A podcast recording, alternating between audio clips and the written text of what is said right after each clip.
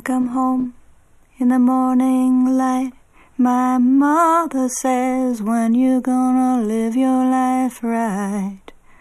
Oh, mother dear, we're not the fortunate ones.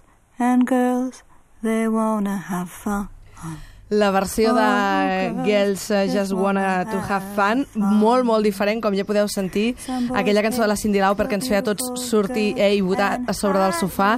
Aquí la cosa és molt més tranquil·la. Estem parlant de la banda sonora d'Anomalisa, aquesta nova pel·lícula del Charlie Kaufman que es pot veure aquests dies al cinema i qui hem dit que ens la vingui a explicar? Doncs evidentment l'Andreu Meixide, que vem els seus dibuixets i clar, nosaltres ja anem venuts. Bona nit. Bona nit, què tal, com estàs?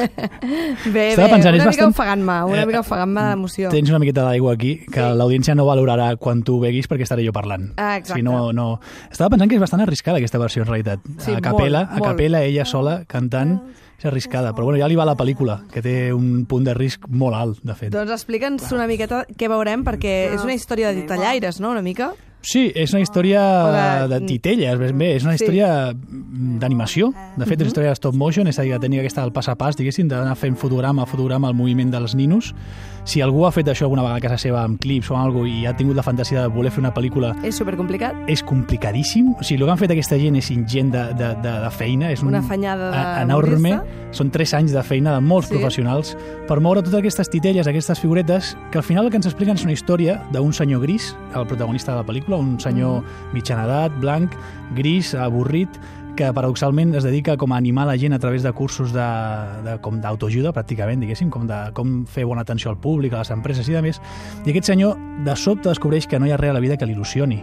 Ha perdut la capacitat d'estimar, d'il·lusionar-se, i tot això passa una nit en un hotel, que ell està com de congrés, als Estats Units, ell és britànic, i aquella nit de sobte sí que troba alguna especial en alguna persona i li fa il·lusionar-se per la vida, però atentos, al- al- alerta, això és Charlie Kaufman, és a dir, el director d'aquesta pel·lícula i el guionista és Charlie Kaufman. Uh -huh. No estem veient una pel·lícula a l'uso qualsevol d'amor romàntic, de...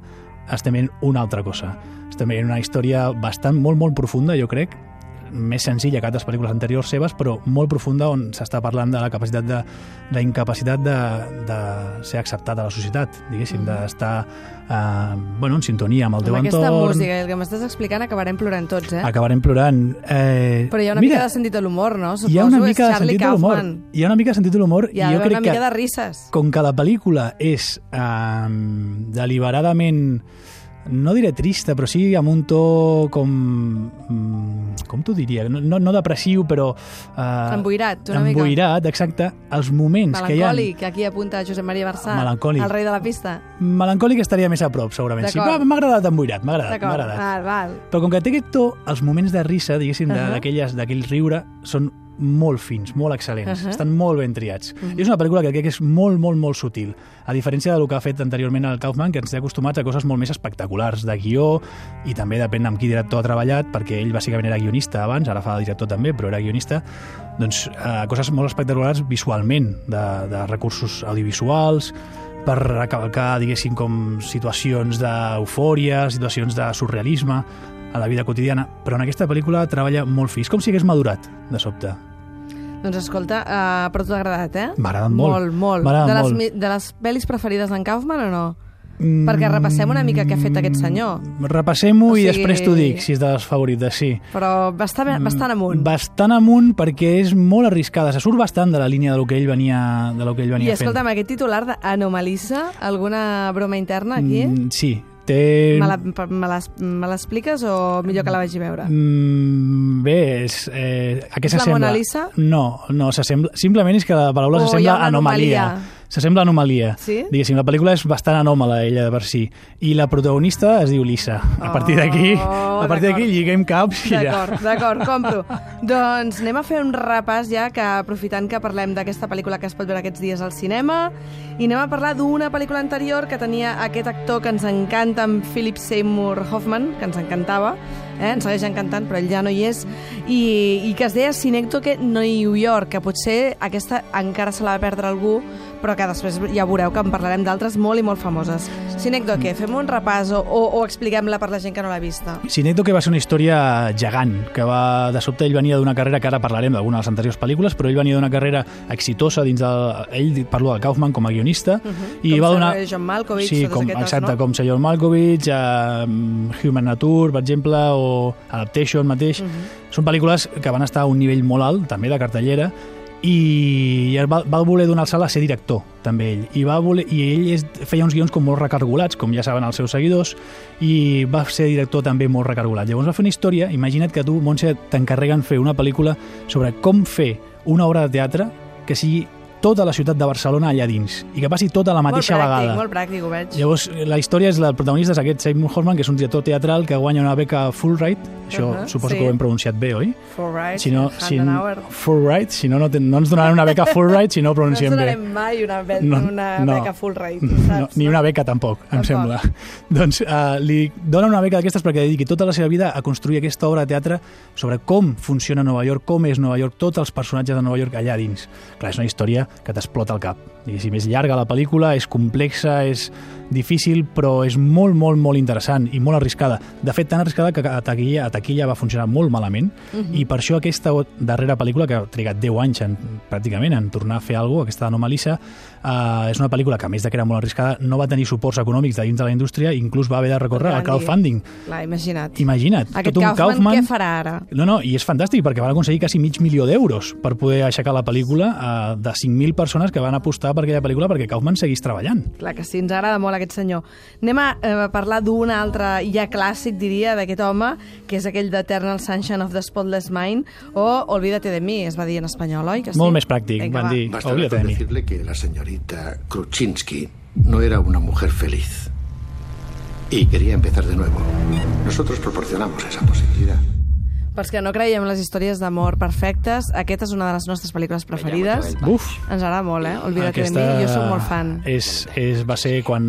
Segur que la sensació de quan la vas veure la primera vegada... és l'única vegada que no he odiat a Jim Carrey. Només per això ja es mereix una, una visita a aquesta pel·lícula. Estic d'acord amb tu i afegiria el show de Truman, segurament, també. D'acord, val. Però Com- estic d'acord amb tu. Va tenir gran mèrit de fins i tot fer a, John, a Jim Carrey un molt bon actor. I tant, i tant, i tant. Uh, expliquem que era la història amb la Kate Winslet, que s'enamoraven amb aquesta història que no acabava de funcionar perquè ja sabem que a vegades el rellotge o el temps doncs, fa males passades. Sí, a més, si a tot això li afegim, si a una història d'amor més o menys convencional li afegim la possibilitat que quan trenques amb algú puguis anar a un laboratori científic i t'esborrin del cap els records que no vols tenir, aquí ja tens l'equació Kaufman perfecta. Perquè llavors, clar, eh, el Jim Carrey el que fa és voler esborrar molts dels records d'aquella relació, però durant el procés se n'adona que no vol, no vol esborrar-los. I lluita contra les màquines, diguéssim, per, perquè no l'esborrin del seu cap aquells records.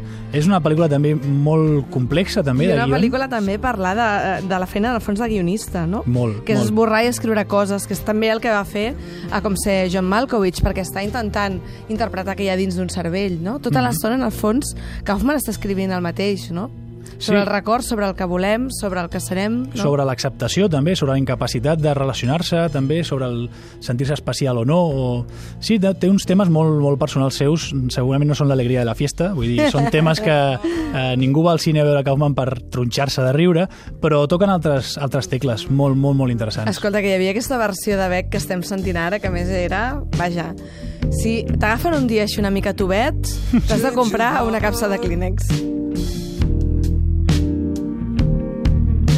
Astound you.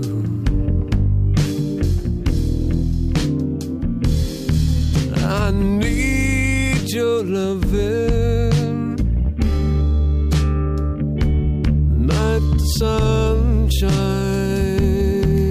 Escolta, no ens ho permetrem, eh? Avui no ens caurà la llagrimeta, com a mínim. Uh, I seguim parlant d'aquest senyor, d'en Charlie Kaufman, que té aquests dies aquesta pel·lícula, les cartelleres que es diuen Anomalissa, però i nosaltres estem fent un repàs d'aquelles pel·lícules per si encara us n'heu perdut alguna. Una altra meravellosa, amb un, uh, amb un home que ens va deixar a mi molt captivada, perquè no l'imaginava mai en aquest paper, Nicolas Cage, Un altre fent de mèrit. protagonista del ladrón de les orquídies, aquest. Exactament, el protagonista d'Adaptation. En aquest cas, ell, ell, Kaufman, era el guionista, el director va ser l'Spike Jones, igual que la pel·lícula anterior no era ell, el director, era el Michel Gondry. I, de fet, si veus la pel·lícula, reconeixes el Gondry a cada Allí, una de les allí, decisions a cada mil·límetre. audiovisuals. Doncs en aquest cas, Adaptation és un altre guió espectacular, espaterrant del senyor Kaufman, que planteja com un guionista podria adaptar un llibre a dins de la indústria de Hollywood sense fer la típica pel·lícula de Hollywood. Ho té molt complicat, però se'n sortirà, ho prometem. Angrecum sesquipedale. Preciosa. Joder. Darwin escribió sobre ella. Charles Darwin, el de la evolución. ¿Me sigues? Oh, ¿Ves el nectario de aquí abajo? Según la hipótesis de Darwin, una mariposa con una trompa de 30 centímetros la polinizaba. Todos Amb sentit de l'humor i amb aquelles Però menes d'orquídies enormes que que, vaja, que s'ho menjaven tot, L'orquídia eh? fantasma, li deien. És la, la, la història, en aquest cas, del, del protagonista, que és el Nicolas Cage, com dius, uh, un altre gran mèrit, agafar Nicolas Cage i posar-lo en un paper que en un se'n paper vagi... d'excèntric boig, que se normalment fa aquest paper així com de Mata Hari, Eh, d'home... sí, macarrilla. Que no ho, he entès, no he entès mai perquè li donen aquests papers, perquè a mi la veritat és que és un tio que em fa pinta de, no sé, del senyor que et ven la llet als Estats Units, no sé. Sí, d'ho- d'home comú, vols dir, d'home Sí, sí, habitual.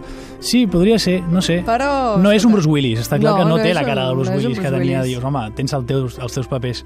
Doncs en aquest cas ell, ell fa de guionista, té la preocupació de no, sem no semblar-se al seu germà Bessó, que és ell també a la pel·lícula, eh, que és un típic guionista de Hollywood de les pel·lícules convencionals. I ell vol fer una adaptació del llibre que existeix de veritat, de la Susan Orlean, del Ladrón d'Orquídies, vol adaptar-lo de manera artística. Mm, és una pel·lícula també complexa de guió, bueno, molt complexa, l'haurien d'estudiar a totes les escoles de cinema, sí. sens dubte, de guió, i està molt, molt, molt ben resolta. Molt, molt ben resolta. La, la fila argumental conclou de manera magistral, és, les actuacions són molt bones, també la Meryl Streep, el, el Chris Cooper fa un paper que ho borda.